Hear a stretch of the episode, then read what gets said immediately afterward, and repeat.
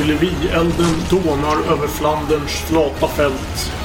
På vardera sida, i de leriga skyttegravarna, befinner sig de tusentals män som framtiden snart ska gå miste om. Skottsalvor ljuder över fältet och sårade soldaters ekande skrik tystnar snart för gott. De modiga franska soldaterna, vars moral har börjat sina, kan konstatera att tyskarna är på väg att upprepa bedriften från 1871.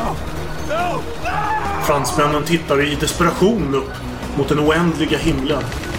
Deras enda kvarvarande hopp sätts till de modiga, tappra, ödmjuka män som lärt sig att kuva den som i så många århundraden varit oåtkomlig. Men de franska hjältepiloterna har ingen chans mot tyskarna verkar ha oändligt många S i rockärmen. Den tyska flygande cirkusen har lekstuga. Sänker franska plan snabbare än Göring hinner äta en kringla. Hoppet är ute. Den tappra franska nationen är på väg att bli ett skämt. Förnedringens tårar rinner ner för soldaternas kinder när de plötsligt ser något närma sig ovanifrån. Mm. Det verkar som att tyskarna har tagit ut segern i förskott. De må ha sänkt de flesta franska flygplanen, men de har missat den stora rovfågeln som likt döden har följt skådespelet från en säker höjd och planerat sin attack till när de minst anar det. Han störtdyker mot tyskarna och ställer in siktet på ena motståndaren. Han avlossar en salva. Fullträff! Med tio skott som penetrerade nacken kan man minst sagt säga att tysken tappade huvudet. Två tyska plan förföljer nu den franska rovfågeln. De skjuter desperat och träffar allt. Förutom sin motståndare som helt plötsligt gör en elegant loop och hamnar bakom dem. Fågeln har rov i tanken och avlossar några skott i tät följd. Och träffar motorerna på dessa Fokkers som störtar ner till en säker, plågsam död. På fältet nedanför har striderna upphört. De båda sidorna blickar upp och följer dramat i skyn. Den franska rovfågeln tar upp jakten på de kvarvarande tyska planen. Tyskarna, som för någon minut sedan var starka som oxar, framstår nu som talgoxar. De svettas. Feghet har aldrig varit en bygd. Men mot en sådan rovfågel har dessa talgoxar ingen chans. De vänder om och flyr. På marken hurrar soldaterna och viftar med sina dukar. Den franska rovfågeln lämnar platsen som om han vore luftens Zorro. På väg bort ger han ifrån sig ett trummande läte från sin flygplansmotor. En signal som alla kan tyda. De franska soldaterna i skyttegravarna torkar nu tårarna med sina bajonetter. De frustar som tjurar som vill släppas ut på fältet och stånga matadorerna. Antantens befälhavare kan knappt kontrollera de franska trupperna längre. Han tvingas hota med att arkebusera det som springer ut i ingenmansland för att sätta bajonetterna i tyskarna. Hold your horses, sir! You are not permitted to engage! Si tu veux nous empêcher d'égorger le Bosch, faudra que tu nous mets une balle dans le dos Ett fruktlöst hot visar det sig och döden inte kan stoppa dessa soldater från att höja nationens ära. För signalen som rovfågeln gav var en signal om att kriget nu har vänt.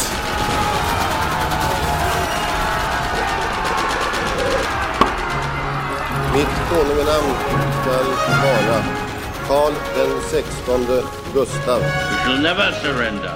Allen Zeiten nicht die Mehrheit! Kom inte med en sån jävla provocerande och aggressiv ton mot mig. Där har våldet triumferat. Ask not what your country can do for you. Ask what you can do for your country. Ska vi verkligen öppna en till flaska? ja, vad fan har du att välja mellan? Skål, ta mig fan! I have a dream. Ah, I see you look at your leader. And I too look to you, Paul Bauma. It's one small step for man, one giant leap for. Jag har lite känsla. Välkomna till Salongsbrusad historia, del 51. Nej, fan. Avsnitt 51. Ja, det, det stämmer, det stämmer, det stämmer. Idag ska vi prata om spännande saker, men jag är lite torr i strupen. Ja, Jag tänker att vi har ju ett vin, ett specifikt vin att dricka idag. ja nu, har... så, nu ska ju du få ditt pris här. Ja, Eh, fast jag inte förtjänar det, för jag klarar egentligen inte ah, just det. Vi, nivån. Räknar du vi fel? blev lite fulla där helt enkelt och räknade fel. Men skitsamma. Vi, det, vi får förlåta det och eh, ändå så Ja. blir det en prispenning här, eller vad man ska säga. Precis. Eh, Så vinet vi ska dricka, det är från 1948. Mm. En Barolo Marchese di... Barolo. Barolo. Ja. Eh, och det har lite historiska kopplingar. Eh, Man kan säga att historiken är, går tillbaka till 1807. Då eh, ett barnbarnsbarn till Jean-Baptiste Colbert eh, Ja, det är minist, finansminister. Så- Solkungens finansminister. Ja, precis. Ja. Ja, hans barnbarnsbarn då gifte sig med någon eh, markis av Barolo. Ja, någon skön italienare. Ja, och Ett hon, strandragg. ja, hon fick ju syn på hans eh, vinkällare. Såg att han gjorde viner. Ja. Men hade lite synpunkter. Så att eh, hon eh, var med och utvecklade. Okej, det är kulturellt bytes... eh, Ja. handelsutbyte. Jag tänker för att eh, Frankrikes själva kultur kommer ju från eh, Italien.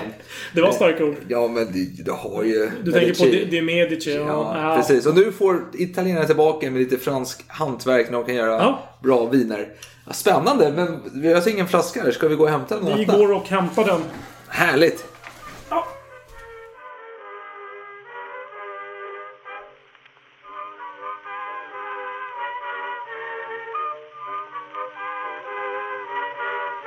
Bakgrundshistorik. Du drack ett annat ålderdomligt vin under veckan som gick. Eh, och du fick panik när korken eh, föll Ska sönder. du tjalla på mig? Ja, och då hade du försökt öppna den med din... Eh, vad ska jag kalla det för? Robotöppnare. Mo- motordrivna vinöppnare. Och då sa jag, men det där kan jag inte göra. Jag har faktiskt, eh, fransmän kan med att öppna vin. Eh, så jag har ju en, vad heter det märket? Electrosé-öppnare. Jättebra. Den, det, är- det är ingen, den är inte övervåld utan det är väldigt mjukt och fina linjer när man Ja. öppnar. Och jag glömde ta med mig den. Så nu sitter vi här med en klassisk MacGyver-vinöppnare här. Du, för vi kör inte den här Det är motordrivna. samma märke i alla fall. Jo precis, men det är fransk MacGyver-tolkning. Ja, ja. Det här, det här är fragilt. Det är lite kaxigt av dig att- att öppna sådär. Vad ska jag annars öppna? Ja, man brukar ju vinkla lite mer kanske. Just när man tror att... Så här verkar ju hålla alltså. Här kan funka. Oj, oj, oj. Oj, oj, oj, oj. Nej, det här kommer gå sönder. Eller? Oj, oj, oj, oj. Oj, oj, nej. Det här kommer inte gå bra. Nu, nu tycker jag du är väldigt negativ. Härligt. Ja, det gick ju inte riktigt upp, men... Nej, men vi gjorde ett hål i alla fall.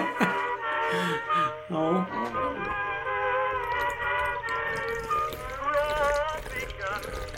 Väldigt blek färg.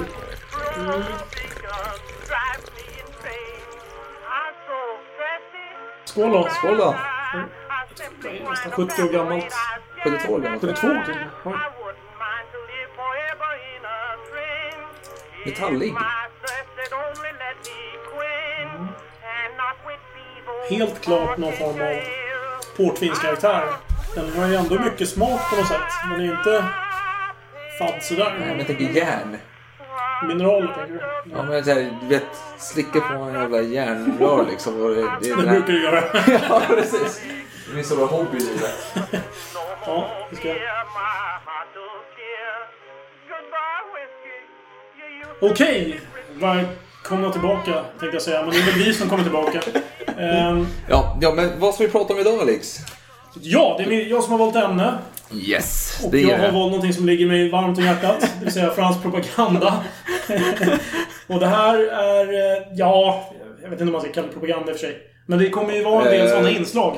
Ska oh, satte halsen här. Det var inte några korkar från vinet det var... Ja, okej. Jag, jag kommer Det till är en fantastisk bild jag framför mig. Här sitter jag, framför mig sitter en fransman, dricker förvisso italienskt vin och det bakom det så är det en stor tavla med Air France. För flygplan är ett väldigt relevant eh, inslag i ja, men detta. faktiskt. Det är mycket passande. Det går nästan kanske lägga upp någon bild där med, Ja. med, med vinet och det planet där. För det är ändå väldigt passande. Mm. Eh, jo, det vi ska prata om är en eh, doldis i flygarvärlden. En viss René Fonck. Precis, du gillar de här och Fonkarna. Alltså. Ja, de har ju så här bra skönt klingande namn här. Fock, Fonck. Foch, Fonk. Och, och faktum är att eh, Fonck skrev ju en självbiografi. Som eh, faktiskt Foch har skrivit inledningen till. Ja, det var inte många rader. Det var typ... Nej, det var väldigt generiskt så här. bara- Det var inget så här personligt direkt. Nej, det var fyra rader och sånt där. Det... Ja. Nej, nej, men det, det, det var ju kul att Foch kunde... Ja, och Jag tänker, Viart hade ju Churchill som skrev hans förord. Det Precis. Lite skillnad Och kanske. det kanske kan vara värt att förtydliga då att det, det här var en flygare under första världskriget. Mm. Och ingenting annat. Nej, Foch var ju död under andra världskriget så det vore väldigt konstigt om Foch hade Ja. skrivit förordet till hans biografi. Det, det kan man absolut med, med rätta hävda. Ja. Ehm, Det du är vassare i inledningen. Jag gillar det. Ja. och om man tänker sig flygare i första världskriget. Då Ja. tänker i alla fall jag i första hand på Röde Baronen. Ja, gud, oh, ja, ja. Ja. Det var I- Manfred von Richthofen. Ja, jag tror det precis. var Manfred. Ja, ja, och Ernst Udet. Tyska Ja. flygräset också. Ja, som precis. tog livet av sig. Eh, Senare, 41 då. Under andra världskriget. Ja. Ja, ja. Ja, precis. Och, och han, han klagade ju på Göring när han, han skrev sin självmordsbrev där. Sen har du väl någon Hartman tror jag. eller Men jag, vi kom väl en ingång till Göring Ja, här. Jaha, nej men okej. Ja, ja, okej, du på okej. Jo. Ja, Göring var ju verksam även i första världskriget. Absolut. Det var... Också ett flygar-S. Han var ett flygare-S. Jag har inte sagt att Fonk är ett flygare-S i och för sig. Nej, men vi pratade ju om Röda Baronen som är flygare. Så dog en Ja, kille ja. med Ernst Udet som också var ett flygare. Så kom ju Göring in där. Absolut, absolut. Så var, det. fanns många tyska Och, eh, flygare-S helt enkelt. Ja, och eh, Göring, han var ju inte så korpulent som han var eh, under andra världskriget. Han fick plats i cockpiten. Precis. Ja, men nu, nu har vi pratat lite om flygares, men vad är ett flygares? Det vet ju de flesta. Men vi kan ju bara säga det för sakens skull, så vi har det sagt. Eh, och det varierar faktiskt mellan olika länder, men det handlar om fem eller kanske tio bekräftade segrar i luften, det vill säga nedskjutna fiender. Och eh, faktum är att inte bara flygplan räknas in. Nej. Även observationsballonger. Ja, det måste vara jävligt svårt att träffa. Nej, det är inte det. Men de brukar i regel vara välskyddade av såväl luftvärn som fiendeflyg. Så det var ju inte riskfritt på något sätt att ge sig på dem där. Men de räknades in, men det var ju lite... eh, Vad ska man säga? Lite fusk va? Det är väl inte en... Det är inte så hedersamt i en tid där heder Nej. var stort. Och, och de som... eh, Be, besättningen i de här luftballongerna, eller observationsballongerna. De var ju helt körda ifall eh, ballongen sprängs. Ja. För det är en jävla vätgas i den här skiten. Så den, de dör ju Ja. alltid 100% och de dör ju en fruktansvärd död. Där de bara brinner ja. upp av eh, olja och eller vad fan det är. Den här gasen bara tänder eld på dem. Fruktansvärd död. Ja, ja, det är tråkigt för dem. Ja, men i alla fall. Eh, jag tänkte säga Ferdinand Foch, men René Fonck eh, föddes i eh, eh, Vosges. Det stavas Säg mig ingenting. V-O-S-G-E-S. Det är lite konstigt eh, uttal där, men på tyska heter det Vogesen. Ja. Jag tror att det på svenska heter det något liknande. Vogeserna eller något sånt där. Det är alltså en eh, bergs, eh, bergsområde i nordöstra Frankrike. Yes. Och den ligger på den franska sidan som förblev franskt efter 1871. Ja, Men den är ju Lorraine då, som Ja, är på gränsen till Tyskland. Tyskland. Och han levde ett simpelt liv säkert. Hans pappa dog vid fyra års ålder. Eh, alltså när Fonk var fyra år. ja. När Fång var fyra år, precis. Det var någon sån här äh, droskolycka eller någon sån här skit. Han blev påkörd, har jag för mig. Så han gick och promenerade på Jag har inte gatan. fördjupat mig i det här. Och så kan blev han påkörd. Jag tror det. Precis. Jäklar. Eh, och, men han hade i alla fall hunnit avla några barn. Så han hade ju Fonk då, alltså barnet. René Fonk och eh, två systrar tror jag att det kan ha varit. Ja. Eh, Men han växte upp i alla fall och nu var det ju lite bitterhet i landet efter det här fransk-tyska kriget som vanligt. Ja, ja. Eh, 70-71 där när tyskarna tog över. Stor sk- jordskredsseger över fransmännen. Det som formade Foch. Precis. Ja. Men vi hoppar fram lite för jag tycker att det här avsnittet ska ju i första hand handla om hans aktiva militärkarriär. ja, det är inget biografiavsnitt. Nej. Så vi hoppar till eh, 22 augusti 1914 om inte du har något emot det. Nej, kör på, kör på. Då åker han till Dijon. Ja, Och varför gör han det? Jo, det är för att det är mobilisering. kul. Så att, eh, och han hade ju dessförinnan läst dagstidningarna Ja. och läst om de här hjältarna i luften. Alltså det är de här Det är piloterna. lite komiskt, eller ödesironi, att de här hjältarna som han hade då, var de som Foch trodde inte hade någon påverkan på kriget överhuvudtaget. Som han sa att det här kommer inte vara relevant Jag alls tänker för på krigsfärd. citatet där att, Ja. eh, att flyg... Att det är bara leksaker. precis. Och sen skriver man förorden till ett flygares är- ja. Folk förnekar sig inte. Det var... alltså jag, ja, det är förmodligen bekräftat att det är hans citat, men jag har inte liksom sett exakt var han har skrivit det. Men det, det stämmer säkert. Men i alla fall. Ja, eh. Mobiliseringen då. Och när han kommer dit så blir han faktiskt jättenöjd. Han bara ler eh, från mun... Vad fan heter det? Mungipa till mungipa. Vad fan blir det? Öra till öra till öra. Han ler från öra till öra. För han hamnar i flygvapnet. Bland sina hjältar, tänker jag. Ja, flyget är ju väldigt... Alltså det, det är vad man tänker på. Flyg, flygplanet är ju relativt nytt. Eh, man har länge velat vara i luften och kunna... Ja, behärska. Bemäst- ja, behärska. Bemästra, behärska. Det är ju lite den här 1800-talsstuken. Man ska liksom kuva naturen, man ska Precis. kuva luften, man ska Och nu, kuva allting. och nu kommer flygplanen och vi har de här hjältarna som kan kuva Mm. Och de luften. här, de här hjältarna i luften, de är ju nästan moderna riddare kan man säga. Ja, För att de här striderna som de utkämpar, det är ju verkligen man mot man och det är... Det är verkligen... jäm, vem kan riddaridealen. Det är som turnerspel i luften liksom.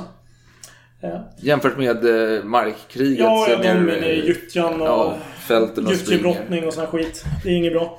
Eh, Men i alla fall, han kommer till flygvapnet, jättekul. Men det, han hamnar i ingenjörstrupperna, så det är ju absolut inte pilot direkt. Så här. Eh, Grease Monkey. Men han har faktiskt testflugit en gång i smyg utan att hans mor fått veta. Säger han själv i alla fall i sin biografi. Ja, det Eller dessförinnan. Okej, är man, det ställer lite frågor. Men ja. Ja, det gör det. Eh, Men han trivdes inte alls med det här. För han fick ju spendera säkert 4-5 månader i någon slags här bootcamp-liknande. eh, I gyttjan och han blir hånad av brobyggarna. För de är ju tydligen högsta hönsen där bland ingenjörerna som bara pekar och skrattar åt de här eh, småkillarna som ska hålla på. Men, men vad gjorde han då? alltså ingenjörs i flyg?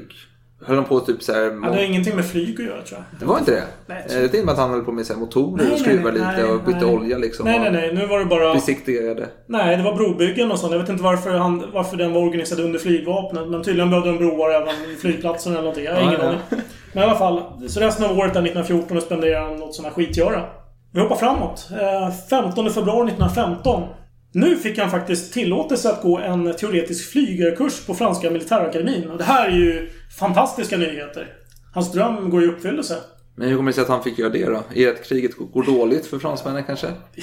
Man måste, måste rekrytera. Man kan säga så här, flygarna går väl åt, tänker jag mig. Och flygplanstillverkningen går igång kanske. Ja, ja, ja. Industriell tillverkning. Ja. Det var inga så här jätteavancerade maskiner om man tänker hur de här tidiga flygplanen såg ut. Ja, nej, det, det tog kanske bara några dagar att smälla ihop dem. Nu, nu bara chansar jag här. Ja, det låter så. Men om man tänker andra världskriget, deras maskiner var ju väldigt mycket avancerade, mer avancerade. Det tog Ja, kanske längre absolut. tid. Ja. sådana. Men nu har han i alla fall börjat på den här militärakademin. eh, Saint-Cyr, eh, känt så här, fransk militärakademi. Och han, med, med god vilja, sätter han sig i skolbänken. Men ganska snabbt så inser han att det här var inte så jättekul. För att eh, den här instruktören då, som ska ge de här kursen. Han pratar om olika pl- flygplansdelar. Ja, ja. Man visar aldrig upp någonting. Nej, nej, nej, nej. så här, bara, och sen har de här tio stycken och så, och så trycker på den här knappen så bara, vad fan, jag, jag har ingen Ja, knapp. han kör lite mer learning by doing. Ja, han ville folk. gärna ha det. Eh, Men i alla fall, så, han trivdes inte men han gjorde väl sitt bästa. Eh, Första april, då var det dags att premiärflyga. Eh, Inte ett riktigt härligt flygplan som kan lyfta dock, utan det är en så kallad roller. Vilket är en typ av flygsimulator nästan. Det är, det är som ett riktigt flygplan men den har för korta vingar så det går inte att lyfta. Okej. Så det är Du någonting... får träna på starten. Alltså, eller inte ens starten. Du får träna på att rulla. Jag vet faktiskt inte vad han tränade på, men han, han körde på med det i alla fall. Men nu är det krig, så att det går ju lite snabbare här. Ja. Det blir snabbutbildning på allting. ja, det är fusk. ja. Det är som... Tre dagars webbutbildning. Det är som sjukvårdsutbildning nu i Ja. vissa tider här när Ja. man snabbt som fan måste få ut folk. Eh, Så att bara två dagar efter att ha kört den här rollen, då får han flyga på riktigt. Då sättes han i en tvåsitsare med dubbelkontroll. Så att du har ju Mm. en instruktör som kan köra också. Som körskolan när man tar körkort. Mm. Men snart nog så får han eh, sätta sig i ett riktigt flygplan. Ett ensitsigt rekognoseringsflygplan. Eh, som heter Caudron G3. Mm. Och det ser ut lite som en... Nu har jag tittat på en bild där. Ja. Så min kommentar är att det ser ut lite som en lådbil med dubbla uppsättning vingar. Ja. Och sådana där flygplan brukar kallas biplan när de har två vingar. Ja. Och Fonk beskriver det här som, med hans ord, inte alls som ett jaktflygplan. Långsamt och klumpigt, där det var omöjligt att göra annat än att rekognosera eller justera artillerield med. Men med det sagt så han flyger på de här typen av uppdrag då. Det är rekognosering och att eh, hjälpa artilleriet att pricka rätt helt enkelt. Mm. Så flyger han runt och eh, en dag så han syn på sin första tysk. Mm. Och Fonk, han blir frustrerad för han har inget vapen med sig. Det finns Nej, inget vapen nej, på flygplanet. Han har ingen gevär eller någonting. Man är noga med att påpeka i sin biografi att om tysken hade försökt duellera, då hade han inte tvekat att krascha in i tysken och dra ner honom ner i fallet. Ja. ja, ja, jag ska kommentera lite om Ja. det där sen. Ja, Men, en, fortsätt. lä- en lärdom som man drog från den här episoden då, det är att han måste ha med ett vapen. Ja, ja. Nästa gång det här händer. Så att hädanefter då har han alltid med sig en karbin i flygplanet. Vi hoppar fram några månader, 2 juli. Eh, nu fick han syn på en tysk igen. För det hade gått väldigt lång tid där mellan första gången och andra. Ja, ja, ja. Eh, och nu, nu Fonk han sköt på den här tysken. Som, men, men tysken lyckades fly. Och så Ja. tänker han fegisen! och Fonk hade fantiserat om hur den här tysken hade kraschat på marken. ja Vill du säga ja, någonting? Nej, nej, nej, nej, det är väl... Ja, nej, jag vet inte vad jag ska Nej, säga. vi fortsätter. Ja, ja, nej, ja. Nej, kan vi prata lite om han... Ja, vi kan prata om hans roll just nu. Alltså han är ju en newbie-flygare. Ja, vad gör han? Han, han är inget flygares, han går inte ut för att närkamp. Flygare? Nej, nej, han har inte ens skjutit ner en enda Nej, tysk. men det är mycket eh, rekognoseringsuppdrag, Mm. som jag sa. Eh, En del bombuppdrag får han göra. Som jag har förstått rekognoseringen att de kan ha med sig kameror liksom, och fotar ner mot marken. Mm. Eh, och... Eh, ja men precis, rikta artilleriet. Ja men, ja, men alltså det där är så jävla helt sjukt alltså. Här, äh, hans självbild. Han sitter ju i sin biografi då. Du benämner om att de tar foton Mm. och att det, de i basen som skalar upp de här bilderna, de gör ett jättejobb. De är en fantastisk insats och det är ödmjukt kan man tycka att han nämner dem. Och då säger han att jag vet att de är så ödmjuka att de inte vill bli nämnda med namn. Nej, just det. Då tänker man, va? ja, det är verkligen som att jag vill inte nämna dem så att... det, är, så här, snacka om att inte ge äran till, till någon specifik. Utan det är så här, ja, men de gör ett jättebra jobb men de, jag kan inte säga deras Ja, ja, namn. De, vill, de, är, de är för ödmjuka för det. Ja, att, det är en bra spaning. ja. Vi börjar bygga, måla upp en bild där av hans personlighet. Ja, ja men, och sen är det också så här med att bomb, när han säger ju tyskar att de eh, förstör för civila, de skiter i liv, de, de är barbarer, de bombar hit och dit. Men han själv, han vill se till att det bara är militära mål som han eh, fixar här. Så han Ja. åker på så låg höjd så han utsätter sig för så mycket fara genom att åka på så låg höjd. Men han gör det för moralen att han ska se till att inga Nej, civila nej, nej. drabbas utav detta. Det låter ju bra. Ja, ja precis. Det låter väldigt bra. Men ja, vi återkommer till bilden utav Fong sen då. Ja, alltså i kriget, under kriget så kommer det nya flygplan hela tiden. Så han bytte upp sig nu eh, till en nyare modell, en Codron G4. Det är för när man spelar så här flygplansspel. Vet, du tjänar in du pengar levlar liksom. lite. Du levlar upp liksom. Du kan köpa en ny motor här. Oj, du överlevde en vecka. Men då, du får lite experience här så du, du kan köpa det nya planet. Men det är precis det han gjorde. Eh, så han, den här gången hade han kulsprutor monterade. Ja. Dock lyckades Fonk aldrig skjuta ner någon med, med det här vapnet. Men de var ju väldigt o... Alltså det var svårt att sikta med de här vapnen. Ja, och Vid de hade... tiden. Och rekylen var säkert fruktansvärd. Hela jävla flygplanet ska åka sönder liksom. Det var ju...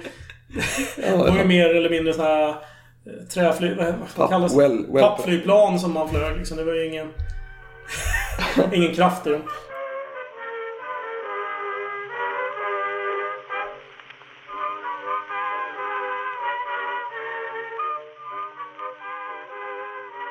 Eh, nej, men, så han kör ju på nu med de här rekognosering och artilleririktningsuppdragen i alla fall. Eh, och nu är vi framme i november 1915. Och då får han ett första hedersomnämnande. Jag kan eh, citera. Han gav den största hjälpen under förberedelsearbetet och flög dagligen rekognoserings och artilleriunderrättelseuppdrag mellan den 25 och 26 september 1915. Lyckades med att utföra övervakningsuppdragen trots de mest obarmhärtiga atmosfäriska förhållanden och med största personliga risk för eget liv. Jag vet inte vad man ska säga. Ja, det var väl kanske bra. Jag vet inte. Någon... Inga, ingenting så här ögonfallande. Han har ju fortfarande inte sänkt någon tysk till exempel. det, man nu- det är det du räknar. Nej, eller räddat någon annan till exempel. Det brukar ju vara det det handlar om. Att man gör några heroiska uppdrag. Liksom man, man eh, försvarar kullen eller vad Jo, jo, men han lever ju fortfarande. Ja, jo. Det, det är väl värt att fira. Då ska man få pris för det. Ja, ja. För det här är ju ett hedersomnämnande. Det är ju såna sånt som ger medaljer och så. Ja. Så han fick väl någon form av någon liten medalj. Mm. Anledningen till att vi hoppar ganska snabbt här ibland med åren är att eh, vintrarna är väldigt händelselösa för flygare. Det, det är liksom inga flyguppdrag riktigt. Utan, Nej, nej. Ja, De är nu- permitterade. Ja, mer eller mindre. Så att nu nove- november framåt, det händer ingenting. Så nu är vi inne i 1916 och det är ju då många stora slag äger rum. Du har ju slaget vid Verdun. Det pågår ju i nästan ett år. Alltså det börjar tror jag i februari eller mars där. Och så håller det bara på. Och sen kommer slaget vid Somme och det har vi nämnt tidigare. Det var ju ett sätt att få bort pressen från Verdun-sektorn helt enkelt. Men vad gjorde Fonk? Eh, Ja, vad fan gjorde han? Ja, i mars. Då trodde han att han hade skjutit ner en Fokker. Och en Fokker, alltså det är ju ett... Det är en holländsk eh, flygplanskonstruktör som eh, byggde flygplan åt tyskarna. Eller Var jag någonstans? Jo. Han hade skjutit ner en Fokker. Nej, han trodde att han hade skjutit ner en Fokker. Förlåt. Men, eh, och han hade med sig en adjutant Jonot i passagerarsitsen. För man har ju ofta med sig ett vittne som kan bekräfta om man skjuter ner någon till exempel. Om det inte är så att fienden kan bekräfta Ja, ja, eller ja. någon på marken och så vidare och så vidare. Och fienden dök rakt ner mot egna linjer och dog förmodligen. Trodde Fonk. Ja. Men det gick inte att verifiera segern. Så det var en stor besvikelse. Mm. Och Fonk, han ältar det här. Och ser över varför han inte lyckas bättre. Han har liksom varit i kriget nu i flera år och inte lyckats med jävla, jävla skit. Tycker han själv i alla fall. Nej, jämfört med hans förebilder. Ja, nej men precis. De här flyg-SM. Som sköt ner mängder med... Ja. Guy Nemer, eller Guy Niemer som jag gillar att kalla honom. eh, är ju kanske den stora idolen eh, i Frankrike just nu. Han är väl ledande flygare. Ja, man var James Dean i franska flygvapnet liksom. Mm. Bra. Han, ha- han hade ju en aristokratisk bakgrund också. Hans mor var grevinna tror jag faktiskt. Mm. Eh, Så det, det kan ju ha hjälpt lite i propagandan. Och att man hjälper gärna kanske någon son till en greve eller Ja, grevinna. ja, baronen och sådär. Ja. Än en Fonk som är ja, eh, föräldralös ja. nästan. Eh, Men i alla fall, det här maskingeväret som han hade, det var för oprecist. Mm. Tyckte han. Och han granskar sitt eget agerande. Fan, han kanske borde... Men han, han är som en hockeyspelare som missar öppet mål och så eh, skyller han på klubban sen. Man ser hur han Ja. sitter och tittar på den och säger Fan också, jag byter klubba till någon ny. Men han, han är självkritisk här också. Han ser över sitt eget agerande. För han är ju lite av en... eh, Vad ska man säga? En streber. Alltså han... Jo, han, han är student utav sin konst. Ja. Lite Mi- Michelangelo lite. För flygning. Fast inte så konstnärlig kanske. Nej, skitsamma. Det var en väldigt dålig jämförelse. Det förekom en del incidenter med luftvärnseld. Och i, i regel så var det helt ofarligt. De var så jävla oprecisa så man kunde egentligen skita i det. Jo, men han sa att första salvorna var ju de farliga. Ja, precis. Eh. För då, vet, visst, man, då har ju de haft tid på sig att sikta Ja, kanske. och då vet man inte när de, var de kommer. Sen Nej. efter kan man ju beräkna var Ja, de då ska. tänker han in sig i huvudet på den här artilleristen. Bara, ah, nu kommer han eh, försöka skjuta hitåt och då Ja. åka ditåt.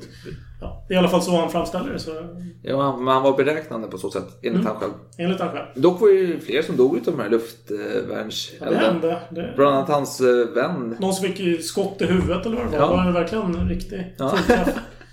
Men i alla fall, vad som händer också här nu under 1916 det är att eh, tyskarna börjar flyga i formationer. Mm. Och det är lite farligt för att de, är, de blir helt plötsligt skräckinjagande. De vinner mycket mer än de gjorde förr. Och det här kan man tacka någon som heter Bölke för. En tysk flygare. Tyskt flygare S. Han var faktiskt eh, Richthofens, eh, vad ska man säga, idol eller mentor. Och det var han som egentligen införde den här Bölke-doktrinen. Oswald Bölke hette han då. Och det handlar om att man ska inte spela hjälte, man ska anfalla när det är fördelaktigt och man ska hålla ihop och bla bla bla, teamarbete, bla bla bla. Ja, men han var en riktig teamplayer alltså. Det är Ja, precis. laget för jaget. Ja. Passar inte Fonk. Nej, nej, det gör ju inte det. Jag vet inte riktigt vad jag skulle säga med det, men det, det kan vara bra att känna till. Eh, det här kommer ju fransmännen apa efter så småningom då, för att man, man ser ju att det går sämre helt enkelt. Eh, Att Jo, jo. flyga ensam sådär kanske inte är så bra mot när de kommer i grupper. Då kör de den här V-formationen då. Bland annat. Mm. I juli samma år, då monterar Fonk ett maskingevär fixt så att han kan få båda händerna fria. Mm. Det underlättar för honom. Nu har han Ja. möjligheten att kunna sänka tyskar. Precis, det, det kan man hoppas och tro. Eh, Men det händer inte så mycket mer den, den månaden i alla fall. Eh, Men i augusti då hör han fransk artillerield och inser att det finns tyska flygplan i närheten. Mm. Då får han syn på två plan. Då drar han igång gasen på max. Och det är två stycken Rumplers. Och det är en typ av eh, rekognoseringsplan. Mm. De två de flög parallellt, eh, cirka 50 meter från varandra. Och de följde ett järnvägsspår. Så det var någon, någon form av uppdrag de hade. Ja. Och då, då, på en sekund så formade han en attackplan i sitt huvud. Mm. Och den ena, den som var fegare av dem, den eh, började åka ner mot marken. För det var så att han... Han, liksom, han dök på dem och så avgjorde han vem som var fegast. Ja. Och det blev måltavlan. Ja. Eh, Jo, för- ja, han, han uppskattar ju modiga motståndare. Ja, okej, men det är kanske lättare också att sänka de som är Jo, fega. men han framställer det som att han eh, uppskattar, han respekterar de här modiga. Jo, men respekterar inte samma sak som inte anfalla. Han ansåg att hans eget flygplan var underlägset. Så att han gick på den lätta, den fega jäveln. I det här fallet. Så han följde efter den här tysken, men han började få panik. Så han började skjuta, tysken började skjuta slumpmässigt. Kulorna åkte inte ens i närheten av honom, tyckte han själv. Nej. Och nu, nu liknar Fonk sig själv vid en jagande örn. Ja, Och det försvarslösa bytet försöker fly från hans grepp. Flyger iväg, uttrycker desperata skrik. Ja, det är de här skotten nu antar eh, och, och börjar flyga slumpmässigt medan rovfågeln cirkuler- cirkulerar runt honom. Tills den får för sig att störtdyka på bytet. Och fåglarna runt omkring de tystnar och ser på dramat tills jakten är avslutad. Men nu tystnade... Och nu tystnade allting runt omkring. Eh, Det var tydligen soldater som sköt på marken tidigare. Så i skyttegravarna så stirrade säkert tusentals soldater på denna duell. I Fonks eget huvud. Ja, Och med maximal fart flög Fonk över rumplen. Och varje manöver han försökte sig på om inte gjordes. Varje stegring och dykning följdes efter. Hans maskingevär hade slutat ljuda. Efter 20 minuters jakt så landade till slut tysken och de två officerarna lät sig tas till fånga. Så han har ju fått sin första seger. ja. Och när det här skedde, då började vapnen låta igen tydligen. Så det var tyst innan. ja alla följde dramat. OS Lillehammar, Peter Forsberg, sista straffen. Ja, och, och han är tydlig med att säga att det här är första segern och det är den enda där både besättning och flygplan var oskadda då. Hos fienden. Fan, jag behöver fylla på mitt glas. Ska vi köra?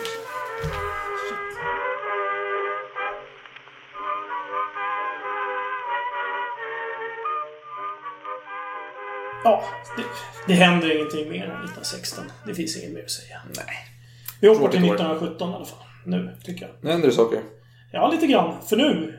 Nu har ju fått ner en, en fiende. Han har bevisat att han inte är helt värdelös. Nej. Uppenbarligen. Nej, nej, nej. Eh, gjort många lyckade rekognoseringsuppdrag. Ja. Nu är det dags för en slags belöning. Han har ju ändå överlevt så här pass länge. Det är inte många flygare som är så erfarna som han är. Visst, du har de här hjältarna, Gin, Gin med och det där gänget. Och det är ju precis dit han beviljas. Det måste vara lite mer specifikt Ja, tror jag. det, det finns en grupp som heter Combat 12. Storkarna. Ja. Och det är där alla hjältarna finns. Det är Top Gun. Ja. Nu, nu dyker han upp här. Och den som leder Top Gun, det är Felix Brocard, heter han. Ja. är någon slags eh, big shot. Jag vill göra lite omvända roller här. Det- I Top Gun, då har du ju Iceman som är den som är etablerad och duktig liksom. Eh, Och sen har du ju han eh, Maverick. Ja. Eh, Jag skulle säga att Guinemer är väl snarare Maverick kanske. Och Fonk är då motsvarigheten till Iceman. Alltså de är lite de, de personlighetstyperna, skulle jag säga.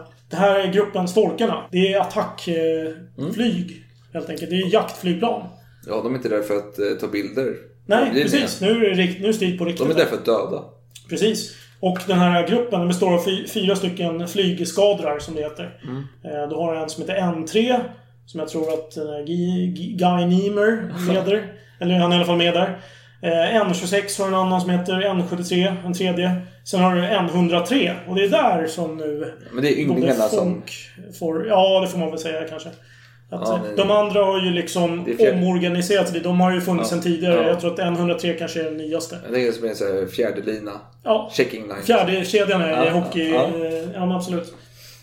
Eh, Och eh, bara för att ge lite siffror här på de här namnen som Guy Niemer Han har ju 54 segrar i luften. Jag vet inte om han hade så många just det här tillfället.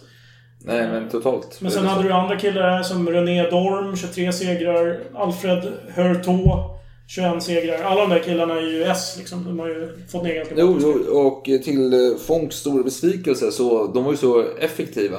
Så de fördubblar ju sina siffror relativt ofta. Oj, nu hade, den här, vad den hette? Uh, Guy Niemer. Ja, säg att han hade 10 stycken. Dagen på hade han 15 och sen dagen på hade han 20. Och Det var svårt att hinna ikapp. Fång sitter på sina, vad är det, 2, 3, 4 stycken. Han, Precis, han var inte ens ett S alltså när han började Nej. här gruppen. Men i alla fall, han får ju finna sig i att vara andra eller tredje eller fjärde fiol här helt enkelt. Eh, Men efter några månader, då får han han... spelar triangel i orkestern. Liksom. Ja, just det. Precis. Det var det man gjorde. Eh, Men i maj samma år, då fick han sin femte bekräftade seger. Ja, men ett S. Äntligen! Hur ser man flyger S på franska? Eh, Ass. Ass. Ja. AS. Ja. Tur att han inte var tysk då. Och flög en Fokker. Ja, det var putslustigt. Förlåt, den var dålig. Ja. Men i alla fall. Nu händer här en tragedi. En stor tragedi. ja, 11 september Nej. 1917. Jaha. Ja, det kanske det var. Det är det. Ja, okej. Så det var 11 september. Det var det. Det klingade illa i dagens öron Mm. hos folk. Och det klingade Ja. illa Du hade ju Anna Lind var väl 11 Ja, september också? World Trade Center. Sen har du ju nu eh, 1917 då, före allt detta. Mm. Då var det en stor tragedi. Guy Niemer, han är lite dåligt humör, eller han är inte i form riktigt säger han. Någonting är fel med honom dagen. Men han beger sig ut i, i alla fall. Med något sällskap, de åker runt där, lever rövare, skjuter lite tyskar. Och sen åker de vilse, eller de, de säras. Mm, just det. Eh, så Han, Guy Niemer, han åker han åker iväg och, den andra killen vänder Vet, tillbaka. Ja, han vet inte vad fan händer med honom liksom. Ja. Men han är en flygare så han, Precis. Han brukar ju komma senare också. de gillar att åka själva och show off lite och spä på sina siffror lite. Ja, Det, det är så de gör. Lite Liksom. så. Så den andra killen landar och så, de andra tänker, ja men Ganimer vad är han då? De bara, nej, men han kommer snart. Vet, han, han show off lite, kör lite loopar och trixar Ja, lite liksom. Så för soldaterna vid fronten. Ja, en annan grej vi kan, vi kan ta- samma veva här, det är ju att de, de har lite ritualer för sig i luften också. När någon har skjutit ner en tysk till exempel, då börjar de på att trumma med eh, motorn. Alltså, en- på något sätt... Jag, jag tror att man, man, man drar säkert en spak för att choka motorn eller... Mm. Alltså, på något sätt kan man påverka hur motorn låter. Mm. Och de gör lite så här... Dum, dum, dum, eller så, Ja. dum, sköna riffar liksom. Bara för att liksom visa att eh, jag har dödat en tysk. Ja, och det börjar aldrig den här Ja, det blir ju en tradition. tradition här i gruppen. Men traditioner är inte till för att brytas. Men Mm. skapare av denna tradition var ju Ja, jag tror att det var Guy Niemer. Ganimer. Och nu är han borta. Och Mm. timmarna går, timmarna går, går. folk blir oroliga. Någonting kanske har hänt. Han kanske har fått eh, bensinstopp, vem vet, han kanske har kraschlandat någonstans. Och Folk börjar ana oråd för att det här är hem, inte liksom. vanligt alltså. När någon är borta så länge, då brukar det oftast betyda det värsta. Ja, så efter ett tag så ringde man ut till fronten. Har ni sett någonting? Har ni sett någon eh, fransman som går runt där och på fälten och är lite skakig? Ja, vi såg ett flygplan som eh, störtade. Ett franskt flygplan. No! Aj, aj, aj. Nej, men det brann inte, så han kan ju vara, leva skadad. Han kan ju vara till fots någonstans i skogen. Så man har ändå hoppet. Men dagarna går, dagarna går. Till slut så får man läsa i eh, tyska tidningar. Och vad får man läsa då? Att han är död. Mm, och vem har skjutit ner honom? Ja, men det var, jo, men det var någon tysk som hette Wisserman. Ja. Som, hade, som fick äran för detta då. Mm. Mm. Och vad gör vår Fonk när han får höra detta? Oj, nu måste han hämnas. Men det, det, det tänker ju alla på den här gruppen. Det här är en stor tragedi. Det är ju inte bara för de som flyger med honom, utan det är ju för hela Frankrike. För han har ju blivit lite av en propagandafavorit. Ja, ja, Tidningarna har ju skrivit om honom hela tiden. ja han, han är den stora hjälten här och han är död. Så man får tänka, det är ju också lite underhållning på fronten. De som eh, är nere i gyttjan där. De vill ju läsa lite roliga nyheter och så. Då, då följer ju de de här flygare i SM. Det är ju liksom... Det är ju jättetrevligt. Ja, men- ja, ja. Och det är demoraliserande när sådana dör. Absolut. Men han åker upp i luften och ganska snart får han ju syn på fiender. Jag vet inte om det var rekognoseringsplan som han mötte, men han tänker nu fan ska jag ta er. Han är arg. Han Han måste, är... han måste döda någon tysk Ja. som hämnd. Så han åker och de är högst o... Jag tror att de är, tar lite bilder i luften där. Och de märker inte att han kommer. Så han kommer och skjuter så han ser ju hur ja, kroppar, alltså motorn eh, träffar han ganska direkt. Han är målmedveten här, han vet vad han siktar på. Mm. Och piloten eh, blir också träffad och dör. Och planet börjar cirkulera ner, det styker och han ser den andra personen han som har tagit bilder där, han flyger ut från planet, flyger mot Fonks plan, så den åker nästan på hans vinge. Och Fonk är inte klar där. Han flyger efter det här planet som störtar. Och han landar och går till planet. För han säger själv att eh, jag vill åka dit och eh, se Alltså, vad, hur- vad får jag träffa någonstans? Hur kan jag utveckla mitt arbete? Precis. Han han var ju väldigt så här, han ville ju förbättra sitt... eh, Ja, sin- sa han liksom. Ja, sin, ja men precis. Och vi ska vara djävulens advokat där och tänka att nej, det var inte alls därför han åkte ner. Han ville bara... Han, han njöt av att se sin fiende besegrad kanske, eller något sånt där. Det, det är inte omöjligt. Det är inte omöjligt. För man får tänka att vid den här tiden så såg man... Man hade ju visserligen stor respekt för varandra eh, i kriget. Till exempel när eh, Richthofen så småningom dog.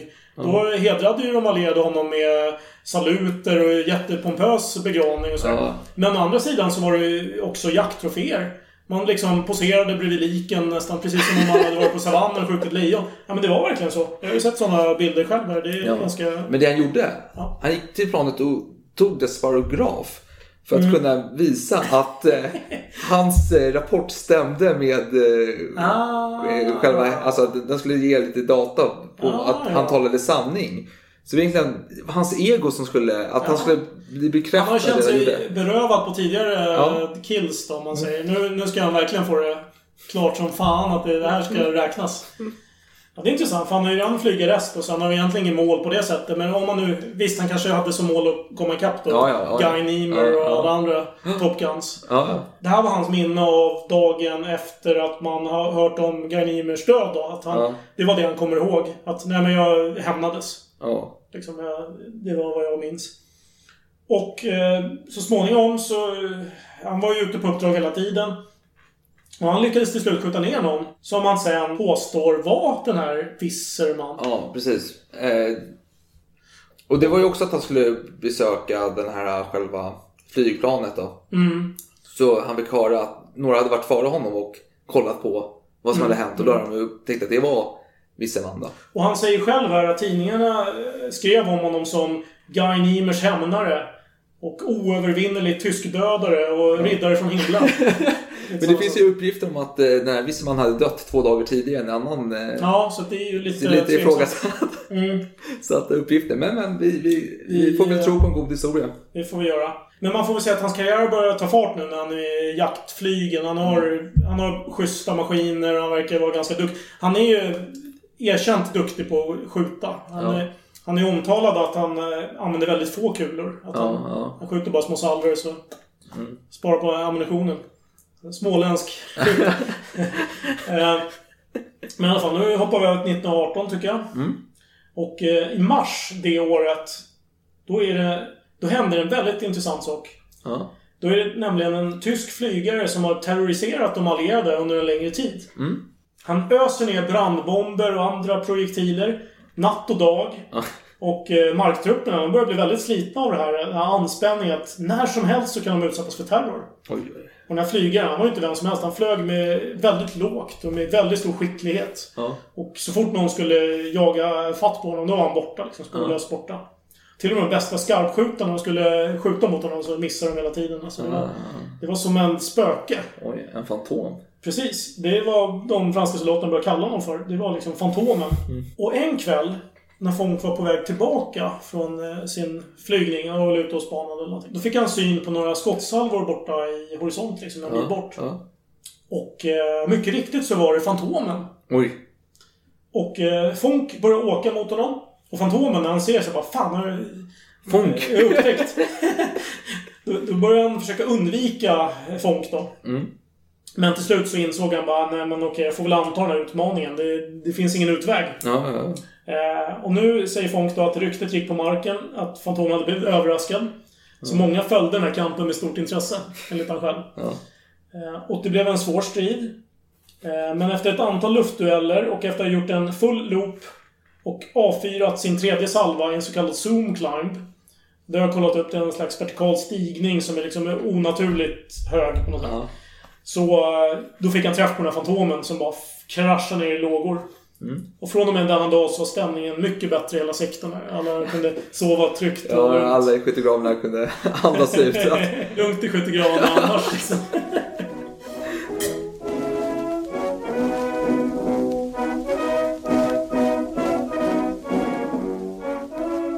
Nu kommer vi till maj. Mm. Då det förekom en längre intervju i tidningen Le Petit Parisien. Som mm. jag ska citera i sin helhet och det här har varit ett långt jobb för mig att försökt eh, översätta ordagrant så att vi bibehåller så mycket av språket som möjligt. Nu ska ni få höra det här. Och ämnet är hur Fonk tog hem sina senaste segrar och hur han uppfattar striderna. Jag hade den stora lyckan att få ta emot besök av löjtnant Fonk. Detta ärorika S kom till Paris för att göra i ordning en av sina apparater. Hans tekniska färdigheter tillät honom att själv ägna sig åt det minutiösa arbetet att perfektionera det som han behöver. Man kan säga, utan att riskera att begå en indiskretion, att det är tack vare hans kompetens, vars beundran delas av dem som ser honom i sitt arbete, som han har överkommit dessa materiella svårigheter som dittills har ansetts vara oöverstigliga. Fonk är alltid densamma. Hans 45 segrar, hans många dekorationer, hans ryktbarhet har inte på något sätt ändrat hans ödmjukhet eller enkelhet. Han bär sina dekorationer så lite som möjligt och på hans croix de guerre hänger bara några av hans palmblad. Säg mig, hur många har ni där? Äh, 15, finns inte plats för fler? Och hur många har ni egentligen? Jag vet inte. 20, men jag tror att fyra eller fem är på ingång. Hjälten vet inte ens hur många hedersomnämnanden han har fått. Han är snabbare än dem och när han får ett så är flera andra redan intjänade. Jag börjar eh, prata om hans senaste trippel. Ja, det var en bagatell, liksom de två tidigare, 9 maj. Jag var och patrullerade på förmiddagen och med två kamrater så stötte jag på fyra tyskjävlar. På mindre än tre minuter så sänkte jag tre av dem när den fjärde som flydde, han kan inte ha hunnit långt, attackerades effektivt av en av mina kamrater. Två föll i lågor, pulveriserade av varsin kula, medan den tredje krävde fem eller sex kulor och gick i delar. Sex flygplan på tre timmar, tio med 52 kulor och, och din sextupel? Äh, än en gång så får jag återkalla minnet för omständigheterna runt denna dag. Eh, först eh, tiden som gick mellan mitt första och mitt sjätte, inklusive vila, ja, det var nog tre timmar och tio minuter. Och de tre från eh, första flygningen krävde bara 22 kulor. Eh, de tre övriga 30. Eh, de första var lätta att få ner, eh, en minut var allt som behövdes. De övriga tog eh, inte mycket längre tid att segra över, men eh, riskerna var större. Jag hade anfallit en grupp av nio i diamantformation, manövrerande enligt en väl genomförd taktik. Eh, Jag funderade ett tag och tänkte att S i deras gäng borde vara i täten eller längst bak.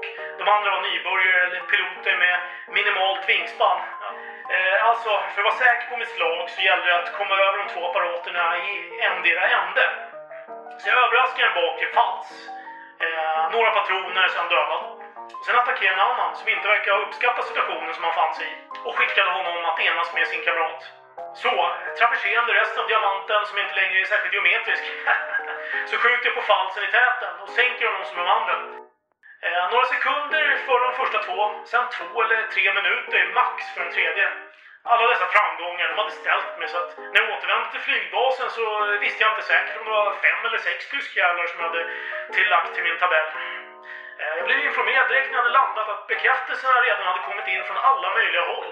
Och den första trippen den hade jag lyckats med över stridslinjen och de andra mindre än tre kilometer in på fiendeterritorium. Du har nu 45 flygplan på ditt samvete, men eh, hur många handlar det om egentligen enligt dina egna beräkningar? 67, exakt. Och alla, utom en, föll i lågor eller i bitar. Den enda besättning som har besegrats av mig som ännu kan smaka på det ljuva livet är min första tyskjävel som jag tvingades landa medan jag fortfarande var artillerireglerare. Men det var inte min kulsprutaspelet som jag inte använde någon. För att dra mig till minnes manövrerna i denna strid så var det att jag hade bestämt att endast skjuta i nödfall. Så jag, jag behövde aldrig skjuta. Och sen dess, efter att jag har lärt mig det jag velat veta, så bestämde jag mig för att döda så många tyskjävlar som jag kunde. Så de 67 som följde, de har tillåtit mig att hålla mitt löfte. Eh, förresten, jag har en rättelse att begära av er. Vem är det som har sagt att vid min 34 tyskjävel så hade jag fått en kula i min apparat? Eh, flera av dina kamrater, de har fel. Sedan jag lämnade regleringen och rekognoseringen så är mitt flygplan orört av något försök. Varken mer eller mindre för min 34. Det är ett rekord som jag håller över någonting annat. Jaha, ja. Men vad tycker du om den nya jakttaktiken? Det är den bästa. Tidigare sågs man ensam. Väldigt oförsiktigt. Så ställde man sig frågan om en stark eskader var mer värd än en relativt svag men väl sammansvetsad patrull. Man antog den senare metoden som gav bättre resultat. Ett S med två eller tre välinstruerade kamrater, goda piloter, modiga och som till punkt och pricka följer sin ledares instruktioner kan nå anmärkningsvärda resultat. För övrigt så möjliggör detta att snabbt omvandla de unga till riktiga S.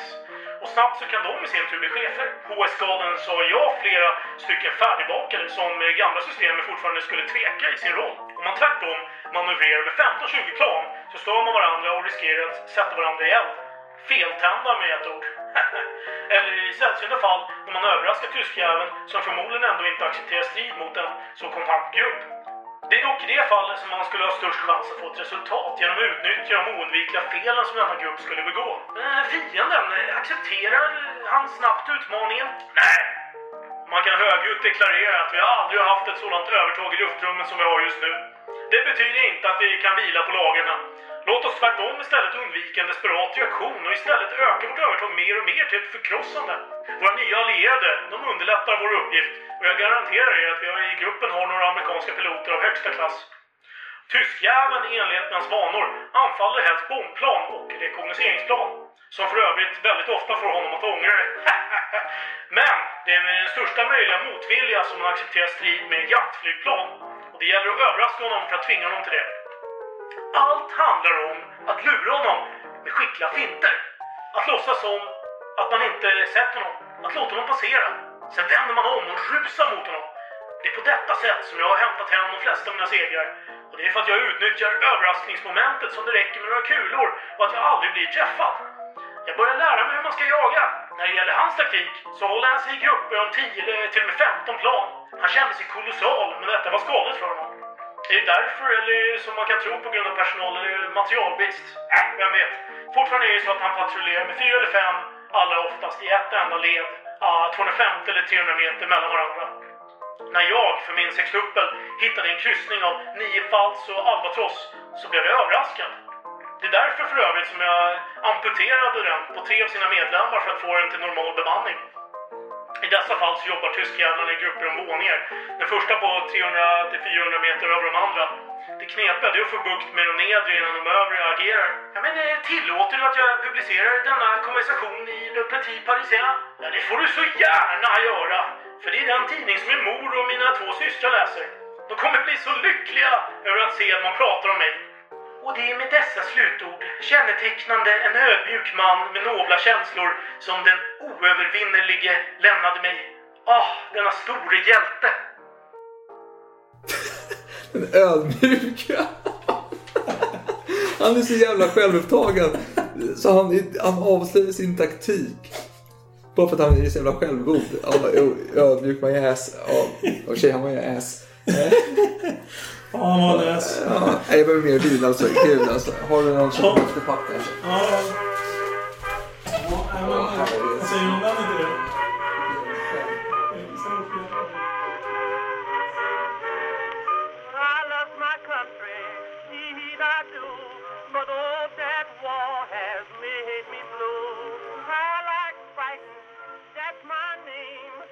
Jaha, det var ju lite skrävlande kan man tycka, eller hur?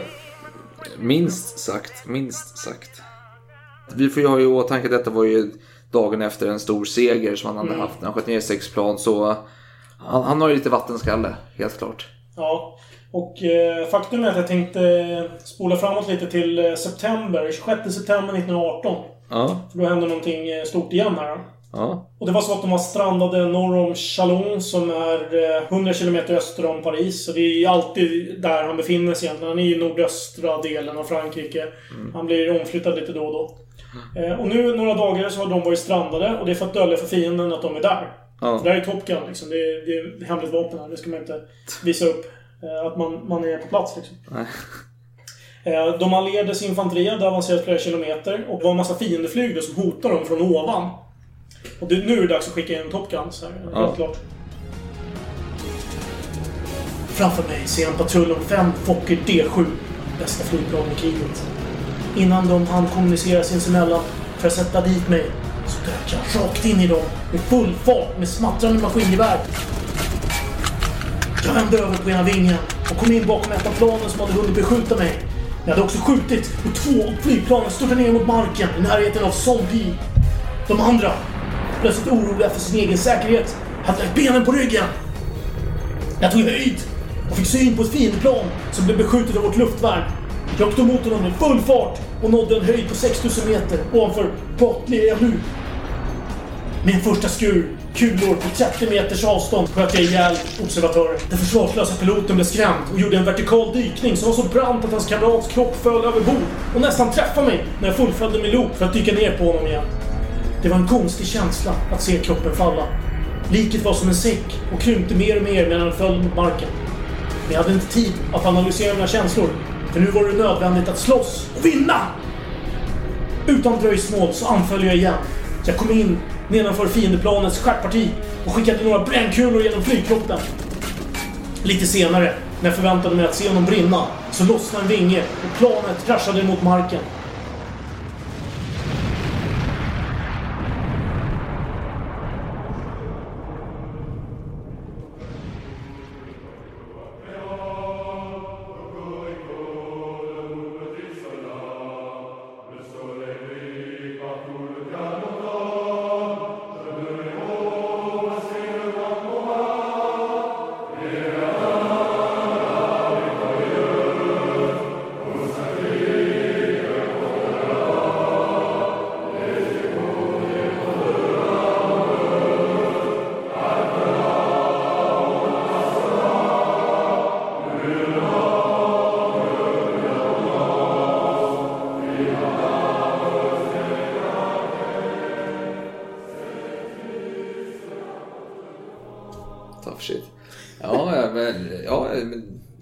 Delen av hans eh, andra sextuppel. ja, det känns som en bra 90-tals actionfilm här. Kanske, kanske.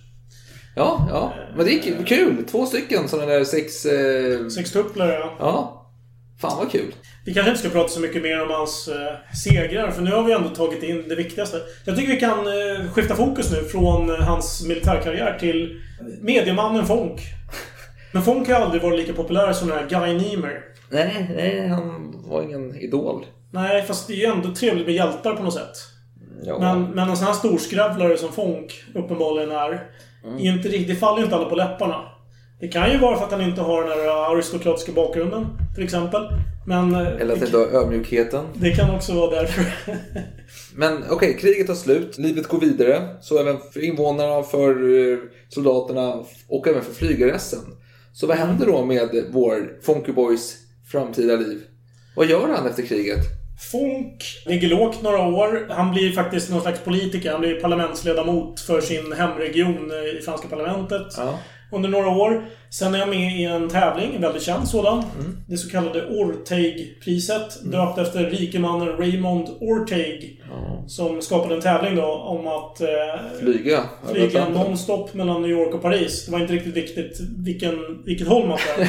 Får man komma över skiten? Men om man kommer över får man en prispeng på 25 000 dollar. Och det motsvarar ungefär 3,5 miljoner svenska enkronor i dagens värde. Och han var då den första som eh, nappade på den här utmaningen. Så att det här blev ju stort. Det blev nyhetsstoff. Han var ju en känd gammal hjälte på något sätt ändå, trots Mm. allt. Så han blev eh, omslagspojke i Time Magazine i augusti 1926. Men när det var dags att flyga då hade han eh, tagit kontakt med någon så här flygplanskonstruktör. Jag kommer inte ihåg om han hette Sikorsky eller något sånt liknande. Som byggde det flygplan då. Och det var hela fyra besättningsmän. Och poängen med det är att det är ju väldigt många flygtimmar New York, eh, Paris på den tiden. Ja. Så att bara flyga ensam, det innebär att man måste nonstop vara vaken liksom jävligt länge. Så det var väl poängen med att de var så många. Problemet med det här var att de hade överbelastat flygplanet. Det var ett halvt ton mer än vad den klarade av eller något sånt här skit. Okej. Så när de skulle lyfta, då kraschade flygplanet direkt. Det var, men var det inte landningsgrejen som eh, gick sönder? Nej, det Loss var- vid starten? Nej, det var flygplanet som var överlastat. Det var jag... Ja, jag, jag trodde att det var, att det var själva landningsfunktionen. Vad heter det? Hjulen. Hjulen, ja. Hjulen att det där Ja, det eh, kanske det loss- var. Havererade direkt. Så kan det ha varit. Jag, Men jag, jag, är osäker. Jag, jag, ska inte säga någonting. Nej, jag, jag vågar inte säga någonting heller. Nej. Men i alla fall, det som vi kan konstatera är att två stycken personer dog här då. Oj. Ja, Eh, Fong klarade sig. såklart. Och, och Charles Lindbergh, känd flygare, Mm. Spirit of St. Louis, han eh, segrade ju året därpå. Mm. Med den här utmaningen. Han körde ju själv. Mm. Han kunde vara vaken. Han hade något citat där om att eh, Ja, man ska inte ta onödiga risker, men ett liv utan risker är inget liv värt att leva eller nåt sånt skit. Eh, Men i alla fall, Fonk eh, blev ju inte så populär nu då, för nu hade han ju tagit koll på två medlemmar. Så han gick under jorden ett tag. eh, Och sen mot slutet av 30-talet återvände han faktiskt till flygvapnet och blev någon slags inspektör. Mm. 37 till 39. Under tyska ockupationen av Frankrike så anklagades han felaktigt för att kollaborera med tyskarna. För han var ju en fanboy av Petain. Ja, ja. Och. Petain, ja, Petain försökte utnyttja Fonk till att eh, få kontakt med eh, Göring. Göring. För han var tydligen polare med Göring. Eller ja, de är Jo, flygare. de hade haft kontakt under mellankrigstiden. Göring, Mm. mm. Fonk och Mm. Annat. Men Fonk hade avrått från det här. Bara, Nej men fan, ska vi prata inte med Göring? Gör inte såna dumheter Petain. Vad håller du på med? Mm. Och Petain bara, nej det kanske jag inte ska göra. Jag går till Hitler istället. eh, och Fonk bara, oh, helvete, det här är ingen bra idé. Och sen när Frankrike hade befriats då från tyskarna. Då börjar man eh, tänka sig, ja men Fonk kan kanske var kollaborerade med nazisterna ändå eftersom han eh, höll på att hjälpa Petain och sådana Ja. saker. Men då hade man kommit fram till att nej, man hade ju nära kontakt med en, en annan flygare som var ledare för franska motståndsrörelsen och sådär. Så att, Ja. Och han fick dessutom någon slags utmärkelse, så han var ju uppenbarligen inte kollaboratör på det sättet. Eller var en dubbel... Ja, det kan. Det, Man vet ju aldrig med Fonk. Nej, Fonk är... Fonk. Fonk är Fonk, ja. Men eh, man kan inte säga så mycket mer om hans liv. Han, eh, han fick en stroke senare i, på 50-talet va? Ja, på 50-talet. ja, I Paris. Jag vet inte vad han gjorde under den tiden. Han låg väl... Han var väl en pensionär eller något. Förtidspensionär. Eh, Det som är lite Ja. kul är ju att i efterhand då kan man tänka sig att såna här krigshjältar brukar bli kommemorerade med Ja. statyer och såna fina saker. Till exempel Guy Niemer som jag pratat om några gånger. Han har ju ett otroligt fint monument över sig med en, en stork och den är ju superhög den här Ja, statyn ja. som jag har sett. Fonk har inte fått så mycket. Det är ingen som skriver om honom, om honom utom han själv. Och han har fått en gata namngiven efter sig, men det blev mer eller mindre en liten gränd. Som inte var i närheten av en stor paradgata. Eh, Kanske just för att man misstänkte det här med kollaboration med nazister och sådär. Så Det är ganska talande att just han anklagas för det också. Jag tänker, men det säger någonting lite om hans rykte. Mm. Det är väl svårare att ta någon som är populär att anklaga för samröre på så lösa grunder som han blev anklagad för. Mm. Så att, att han inte var så omtyckt kan nog ha hjälpt till med Nej, att man, precis. man förväntar sig att han är lite sliskig av sig och kan Ja, ja spela boll med Hitler liksom. Det. Så ingen gillar honom riktigt, men han, hans siffror talar för sig själva. Eh, Jag tänkte att jag kanske ska gå in på vad personer som var i hans närhet tyckte Ja. om honom. Ja.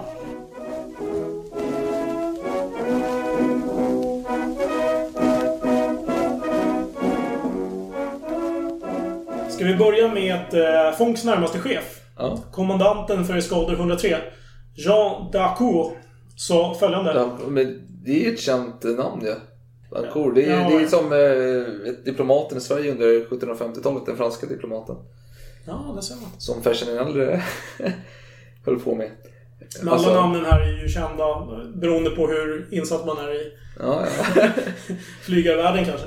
Eh, Fast han var ju ingen flygare, utan han var ju diplomat. Han var ju kommandant, nej men Fonks närmaste chef var ju... Ja, men jag pratar om den gamla. Ja, ja, men nu fortsätter vi här. Ja, Fonk var långt ifrån okänslig för belöningar som tillfredsställde hans sinne för rättvisa och legitima önskan om ära.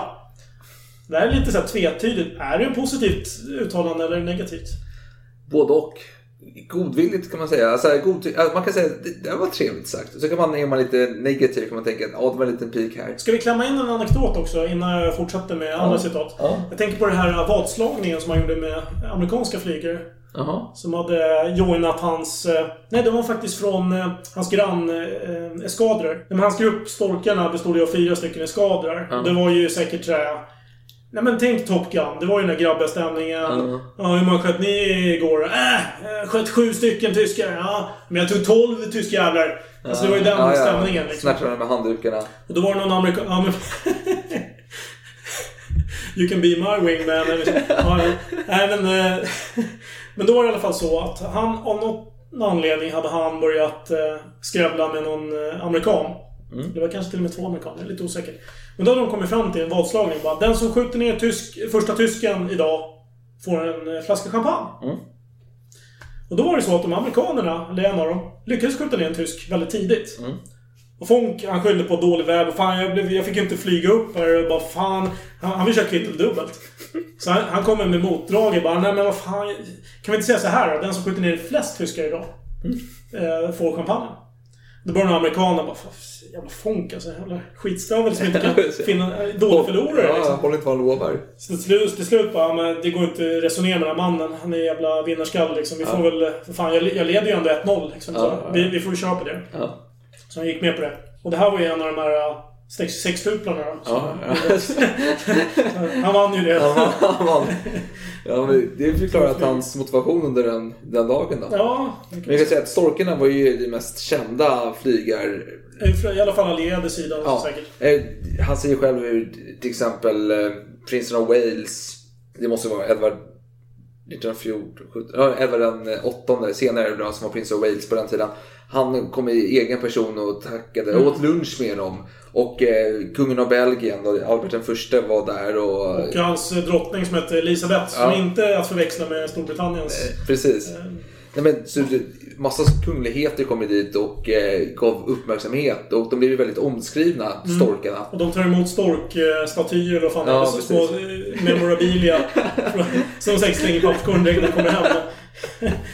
Ja, men, men storkarna var i alla fall populära. Ja, alltså. ja. Så då kommer man tycka att Fong borde ha en liten större karriär. Mm, mm. Särskilt när Guy Niemer, deras största S, eh, dog. Dör, ja. Han gick ju i fatt och förbi. Ja. Alltså, han... Vi har inte ens sagt det här, men han har ju kommit upp i 75 stycken segrar. Officiella segrar. Officiella segrar. Han, enligt hans egna eh, beräkningar så är det ju långt över 100. Mm. Men jag, jag tänker att jag kanske ska avsluta det här med citaten först, och så kan vi Ja. komma vidare sen med Ja. siffror och Ja, annat så kul.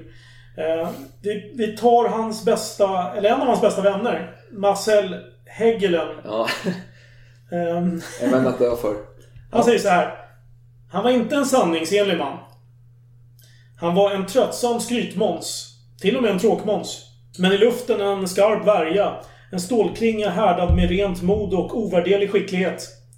Men efteråt. Han kan inte glömma hur han räddade dig. Och se till så att du inte glömmer det heller. Han kan nästan få dig att ångra att han hjälpte dig från första början. så det riktiga är väl alltså... Det känns lite som Ove i Solsidan. Ja, faktiskt. som man aldrig blir av med liksom. jävligt duktig Ove i luften liksom. Ja. Man bara, fan jag vill inte träffa den killen.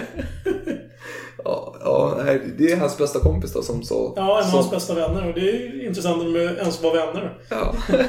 För Fonk, han, när Guy Niemer var död så pratade han ju ofta om att ja, men jag träffade honom samma dag. Han var så trevlig och glad och så.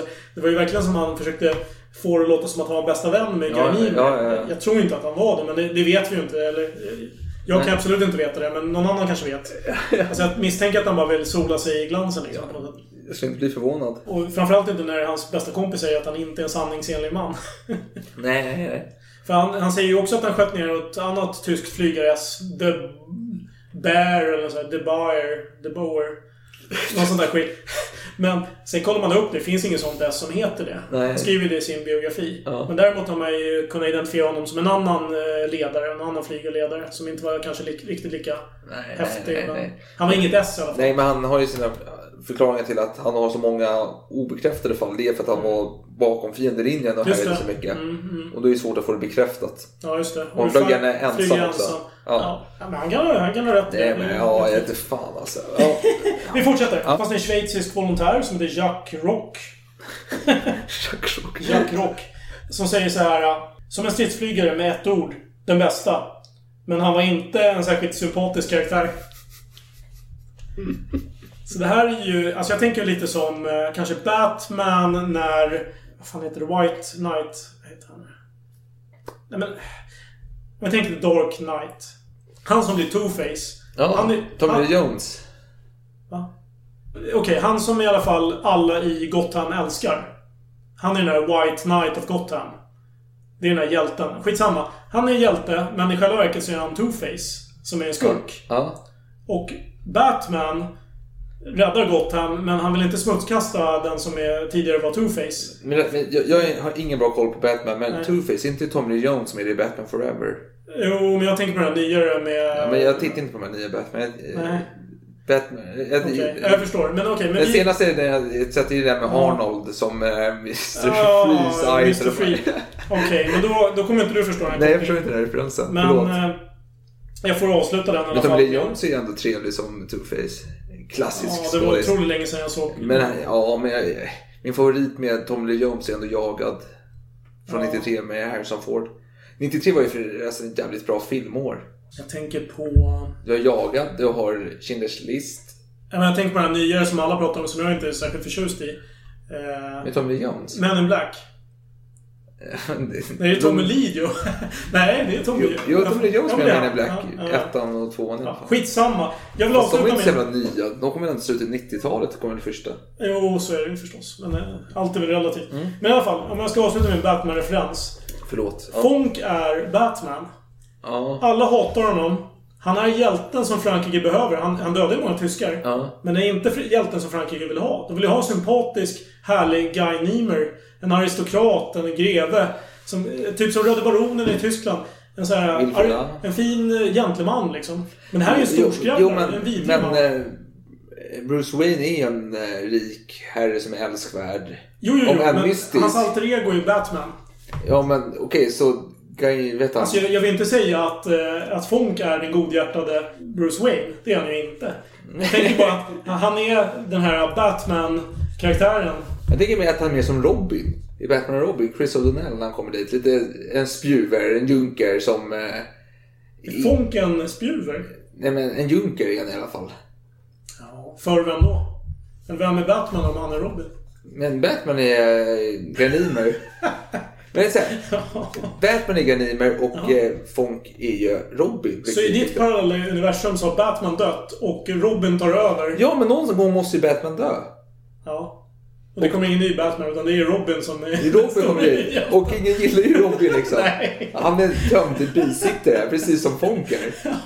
Som ingen gillar. Skryter, åker motorcykel, babyface. Ja, nej men ja, absolut. Det är så här mindervärdeskomplex. Eh, har ingenting emot att göra fula till sig lite ära liksom. Nej, nej, nej. Och vill gärna vara lite så här hedersam, Mm, skrytig, kaxig. eh, Okej. Akrobatisk är han också. för Han, han, hans föräldrar var väl några så här teatermänniskor.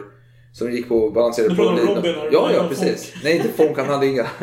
Ja, han hade ju mamma och pappa och sådär. Jo, men pappan dog när han var liten. Men precis, för det är ju i för sig Batman-referens där. Ja, faktiskt. Titta, vet du, fan den var inte så dum. Ja, men vem är pingvinen då? Är det Göring som är... Ja, varför inte? I alla fall Skulle- på, skulle- skulle på den- 40-talet så var väl... Skulle Danny DeVito kunna funka att gestalta Göring? Ja, på 40-talet. Han var ju inte riktigt så lik där på eh, 10-talet. ska jag säga. Nej. Då var han ju mer Okej, säga. men, men jag, jag tycker ändå att Fong känns mer som Robin. Alltså Chris Mm, O'Donnell eh, mm, Robin.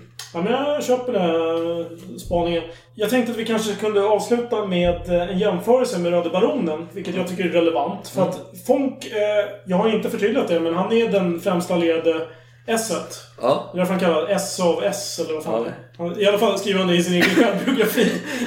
ja, precis. Ingen annan har sagt det, men...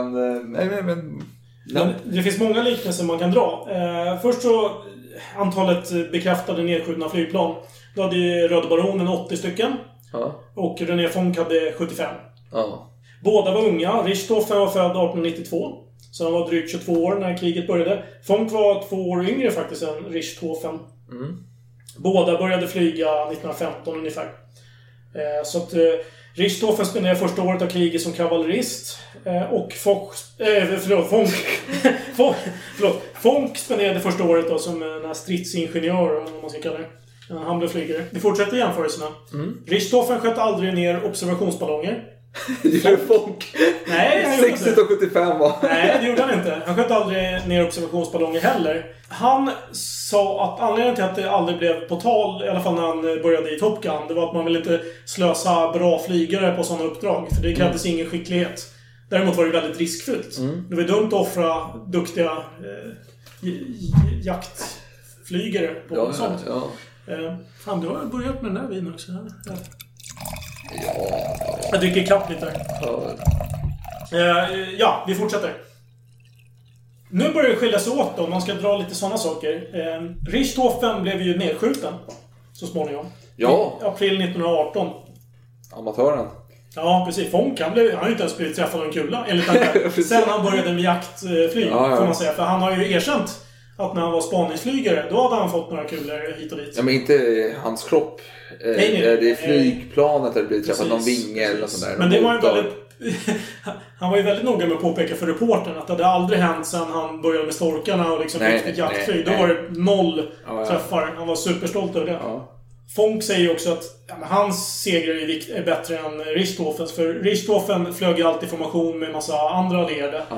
Han hade ju massa kanonfodder liksom framför sig som kunde förbereda bytet. Och så kommer Röda Baronen ner och bara tar bytet liksom. Ja. Medan Fonk åker själv och bara går på så här tio jävla jaktflyg och bara Ja, pepprar. jo, och, jo, jo, men han har mycket sådana historier om att de, de åker väl själva, så har med sig någon observatör i baksätet. Just det. hade kört tvåsätesplan då, och så möter man en V-formation till tyskar. Och Mm. Han ska vi fly? Nej. Vi åker in i döden här liksom, vi kör på. Och kollar han bak på sin observatör då och han ler glatt liksom. Så, Det är ändå härligt. Ja men nu kör vi liksom. Är inte det... Jo, jo, det är ger en väldigt... skön Ja, känsla. det, ja. Sen, vet man, sen, sen kan det ju vara mycket propaganda där. Ja. Eh, Ja, nej men absolut. Vad Fonk vill säga är att hans siffror är ju undervärderade jämfört med... Alltså, Jo, men, men Fonk åker ju alltså Baronen är väl lite Mm. mer på hemmaplan och flyger runt lite. Ja, eh, faktum är att eh, Baronen flyger väldigt mycket mot brittiskt flyg. Ja, de är dåliga, vet ju alla liksom. Nej, men jag tror... Det finns... Det finns Vad vill ha sagt liksom? Nej, men det finns flera möjliga förklaringar till det. Jag tror inte det handlar om att de är sämre, utan man vill ju skrämma britterna. Man vill få bort dem från kriget. För det var ju inte deras land som invaderades. Nej. Så man vill ju bara...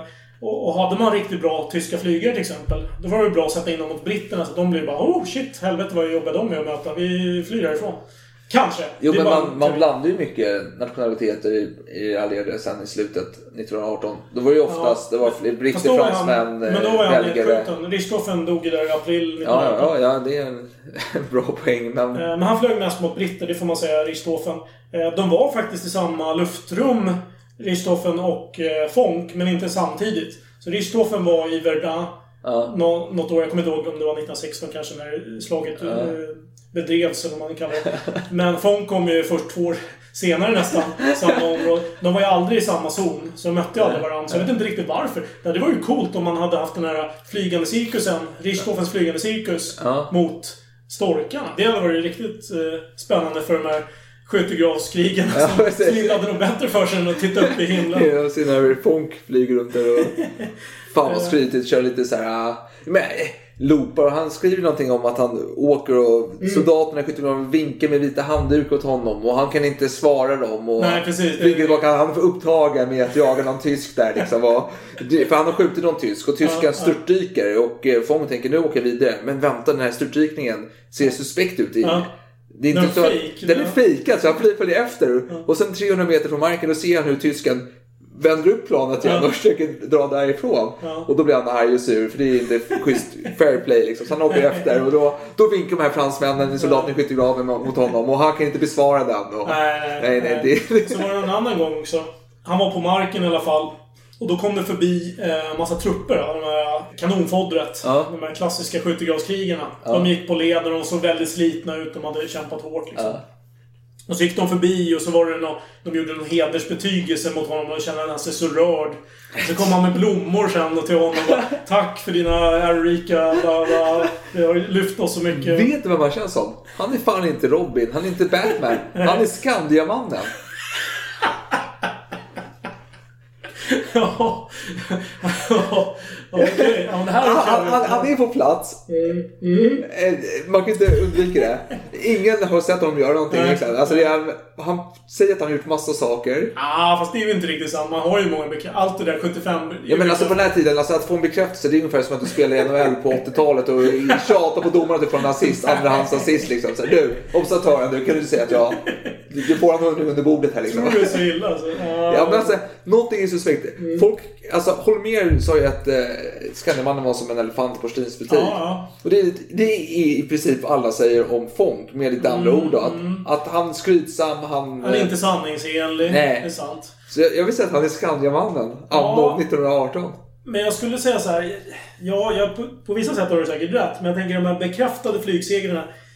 Jag tror inte man tar någons ord. Alltså jag tror att ingen vill att han ska ha så många segrar. Men då hävdar du att Skandiamannen var gärningsman. Nej, inte alls. Jag säger bara att eh, Eller- det är en man som är på plats. Han är på plats. Ett jävla frågetecken.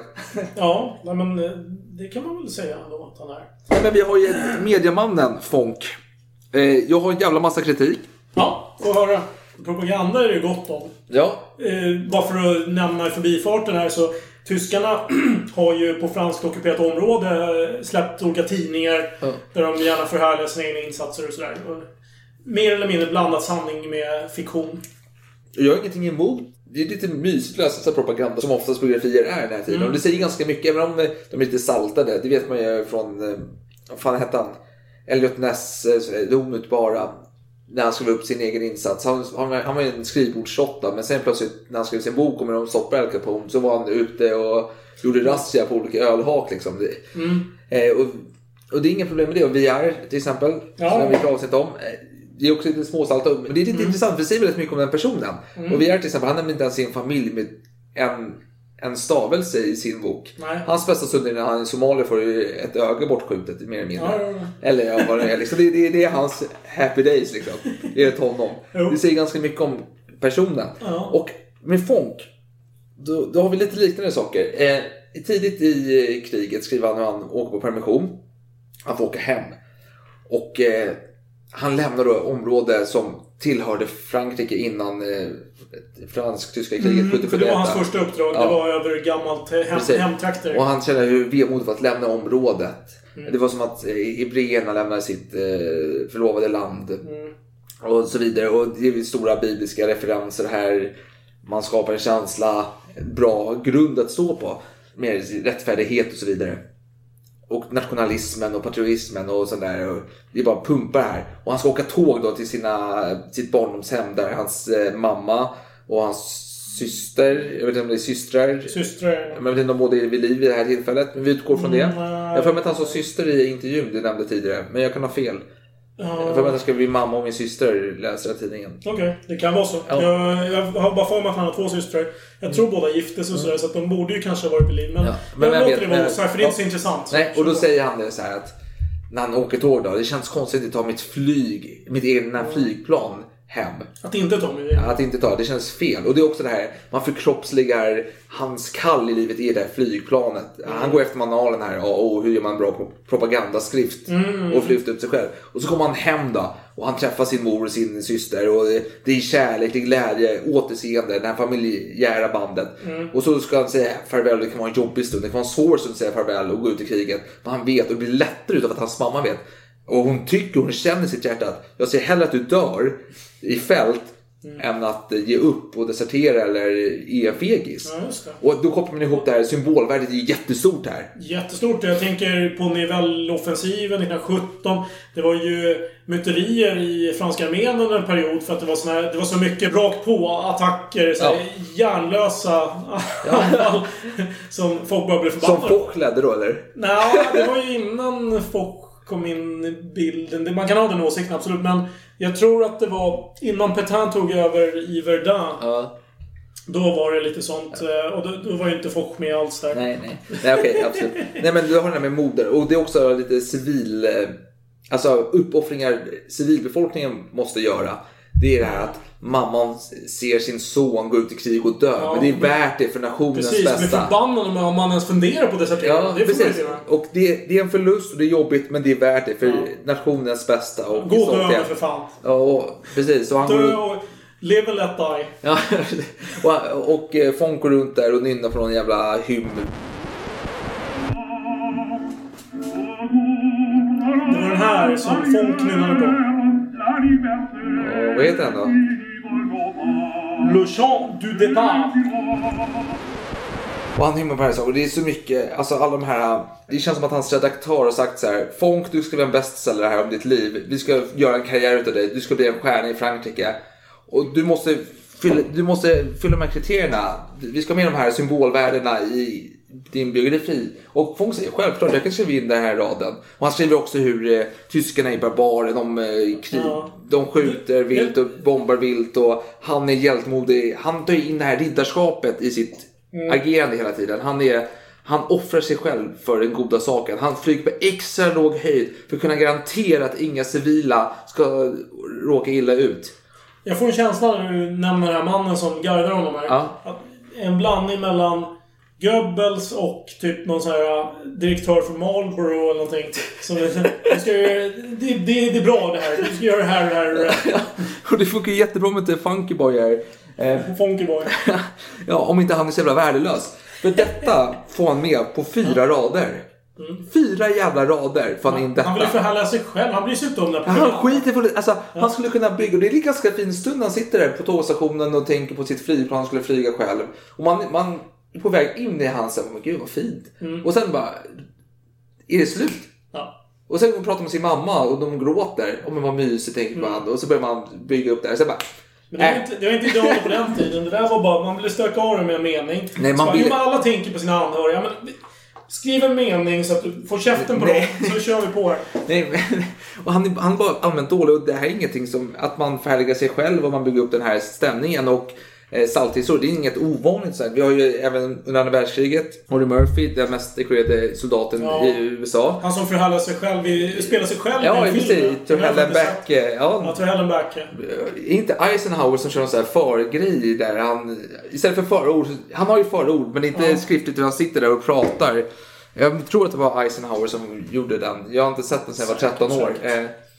Men det är en ganska bra film. Men det är också, han, kör, han har ju en skådespelarkarriär då, Murphy efteråt. Och Men han, han led av posttraumatisk eh, stress. Ja, jo. Och eh, jag, jag vet inte om han begick våldsdåd, men det var... Han blev alkoholiserad för honom. Det gick åt Ja, helvete för honom. Men, men han spelar i alla fall sig själv. Mm. Och det är en ganska fin tolkning utav sig själv där han är verkligen hjälten. Men det, det följer ett mönster det här. Det gör ju det och... eh, Men det är en genre. ja, absolut. Och det vill säga är att... Från första Ja, världskriget. men eh, genren är jättetrevlig. Jag uppskattar den här genren. Jag tycker den är jättekul att läsa. Men inte när Fonk, Fonky Boy skriver. För han är så jävla tråkig. Och han, han, han har några stunder i sin biografi där han växer. Det är när han ser sin eh, kamrat störta och han åker efter för att se hur, han, ser hur det gick med honom och ser hur hans kropp ligger splittrad eh, från midjan uppåt. Och det, det, man får lite känsla dramatik. Och när han ska skjuta någon tysk och han vill ge dem en chans för han ser eh, dem framför sig att de är oförberedda. Och han bygger upp lite spänning. Mm. Men för det mesta är det väldigt tråkigt. Han Väldigt... är, han är en krigare, han är ingen författare. Nej men han är så självupptagen. Ja, det också. Alltså, Framförallt. Begärt är själv... Frågan är vad som är störst, hans ego eller hans skicklighet på, i luften. Ja, hans ego. Oh. Det är det som diskussion. Jag tänker, jag bara referens till Viart här. Eh, han är en excentrisk belg-britt. Eh, Så han är ju väldigt komisk att läsa om. Han är också väldigt, Mm. han förhärligar i sig själv ganska mycket. Hur Ja. han ser ut i ögat för han är trött på porslinsögon. Han har ju ändå roliga historier känns det som vi har. Ja. Men, men det går ju inte att jämföra kanske. Det här är ju en ganska kort bi- självbiografi. 200 sidor och sådär. Jo, jo. Och sen är den översatt till engelska. Jag vet inte hur mycket som har förlorat i Vi ska, nog, vi ska nog in räkna med att det. Men, vi ska nog räkna med att det mesta är... men tänk alltså, den här författaren har säkert lagt till massa saker för att göra det läsbart. Jag tror inte han har försämrat texterna sådär jättemycket. Nej, nej. Ingen litterär konstnär. Nej, men det är väldigt korta stycken. Fast Det han har ju sina poetiska tillfällen. Ja, precis. Det, det var min nästa poäng. Ja. Mm. För han kan beskriva vissa scener väldigt vackert, väldigt poetiskt. Men det, det måste vara förläggaren som kommer där. Så här, han får utkastet. Och det är bara så här, ett dygn och så bara lägger han till lite så här, men vi åkte över det här fältet med de Mm. vissna träden där Precis. kropparna låg en efter en. Men vi kan, vi- ska vi sammanfatta den här mannen med att han var en eh, skrävlare? Av stora mått. Ett ego som var enormt. Men jag gillar ändå Funk. Ja, men det... Alltså han har någonting i Du sig. är nog den enda som gillar honom i och för sig. Nej, men han är en jävligt osympatisk person. Minst sagt. Eh, han skriver jävligt dåligt. På ett sätt lite sorgligt. För uppenbarligen så var han, om han inte var Skandiamannen utan, utan om han var så här bra som han sa. Mm. Så han, gjorde han en stor insats och han fick lite cred för det. Men det är väldigt avslöjande. Prestation, Mm. inte Samma sak Nej, med nej. eh, ära och berömmelse efteråt. Nej, det- Du har ju somliga som Foch som inte gjorde ett skit som blev hyllade. Så har du ju sådana som Fonk Nej, som kom kanske igen. gjorde väldigt mycket och blev hatade. Vänta du, du sågar både Foch och Fonk. Alltså att de är sina motsatser, förutom att båda skrävlade kanske, över sina insatser. Ja, det, det var så för dig alltså. Jag håller med dig. när Du som sa det. Nej. Du, du blir av Nej. lite franska medborgarskap nu. Okej, men om vi säger såhär. Foch dödade ingen på slagfältet. Det gjorde han ju inte. Det Nej. kan vi ju säga. Det är ingen skräll på det så sätt. Han var ju i den högre staben. Ja. Eh, Men han tyckte ju att de som ska hyllas är ju de som sitter där. Det är ju hjärnorna i striderna liksom. Jo, men alltså skillnaden på Fonk och Foch. Det är att Fonk, han har ett ansikte som man gärna vill ge en höger. Alltså, Ja. man, man skäms inte om att man vill slå honom. För att Nej. han har så här, lite babyface, sojakinder, leende, så här, kaxigt leende. Och, och man vill bara ge honom en lavett liksom. Ja, ja, alltså jag har hatkärlek till honom. Vad har du? Hatkärlek? Eller tycker du om honom? Hatar du honom? Men det är svårt. Alltså jag är ju partisk. Det får man ju säga. Ja men du tycker att båda Ja, men det, är- det ju som... Säg att vi hade Karl XIIs främste krigare som var stor skrävlare. Du hade ju älskat honom. Du menar Roland i slaget i banden när han rakar av sig skägget och gör comeback? Du älskar honom. Ja, jag har ingenting emot Roland. Exakt. Alltså, Ja, men Roland det är det jag säger om också. Alltså han skrävlar, men det hör ju ändå till den tiden. Han är en stereotyp. För att avsluta detta med någon Mm. värdighet. Eh, Gör så. Gör tror du att han hade över vad är det, 120-140 segrar? Eller hade han 75? Jag tror att han... Om det var något gränsfall, då, då tänkte han att han är död. Alltså, eller han räknade det som en seger. även om det kanske... Glaset var hälften fullt alltså för honom. Ja, absolut. Jag skulle tro så här. Om det bara finns en minsta lilla chans att han dödar den här tysken, då kommer han räkna honom. Så jag tror att eh, han hade säkert fler än man eh, påstod. Eller det som blev bekräftat. Ja. Men jag tror inte att det är det antal som han själv uppskattade. Det, det är bara min gissning utifrån hans personlighet. Det känns som att han tar varenda tillfälle i akt att eh, förhärliga sina egna siffror. Ja. Jag vet inte om man ska ljuga rakt ut, för jag vet inte om man har kunnat bevisa att han har ljugit. Det är det jag inte är säker på. Men däremot, eh, men han säger inte sanningsenligt. så Han, han tar ju i, han kryddar ju det han säger. Men frågan är om han blåljuger eller inte. Du är för en jävligt dålig kampanj för en fransk nationalhjälte med att säga. Nej men jag försöker ju vara... Nej men vadå? Han är väl fortfarande Ace of Aces liksom. Han är, han, jo, båda krigen. Han är den främsta esset på allierade sidan båda krigen. Vet du vad? Vi ska kanske ska avsluta detta. Vi är nog klara med det vi Jag tror det också. Du, vi... Vi hoppas Länge att, lever Fonk! Jag hoppas att vi kommer om eh, två veckor. Ja, gud. Nej, jag deltar inte i den franska Jag älskar, jag älskar när storkar. Du förresten, innan vi slutar. eh, Du fyller ju år imorgon. Ja, just det. Det gör jag. Så jag har en liten present till dig. Jag- Jag borde Oj. kanske gett den eh, innan vi startade, eller i början av avsnittet, men jag glömde bort. Så här, grattis! Ja, det här var oväntat. Ja, må han leva. Jag ser att du... Ja, tack så mycket. Du, jag ser att du har ansträngt dig här med att slå in det. Det kommer direkt från posten ser som. Originalförpackning. Känns som ett mjukt paket. Ja. Ska vi se.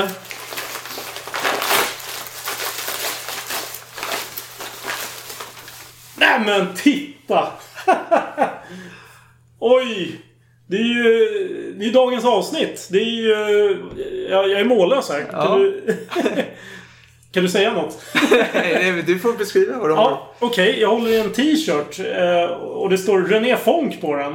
Och det står hur många segrar han har. Och det är, ja, det är fantastiskt. Är det du som har designat den här? Nej, nej, den var färdigdesignad. Jag hade tänkt köpa någonting annat till dig. En tavla med eh, Fox berömda ord om flygplan. Men sen såg jag den där.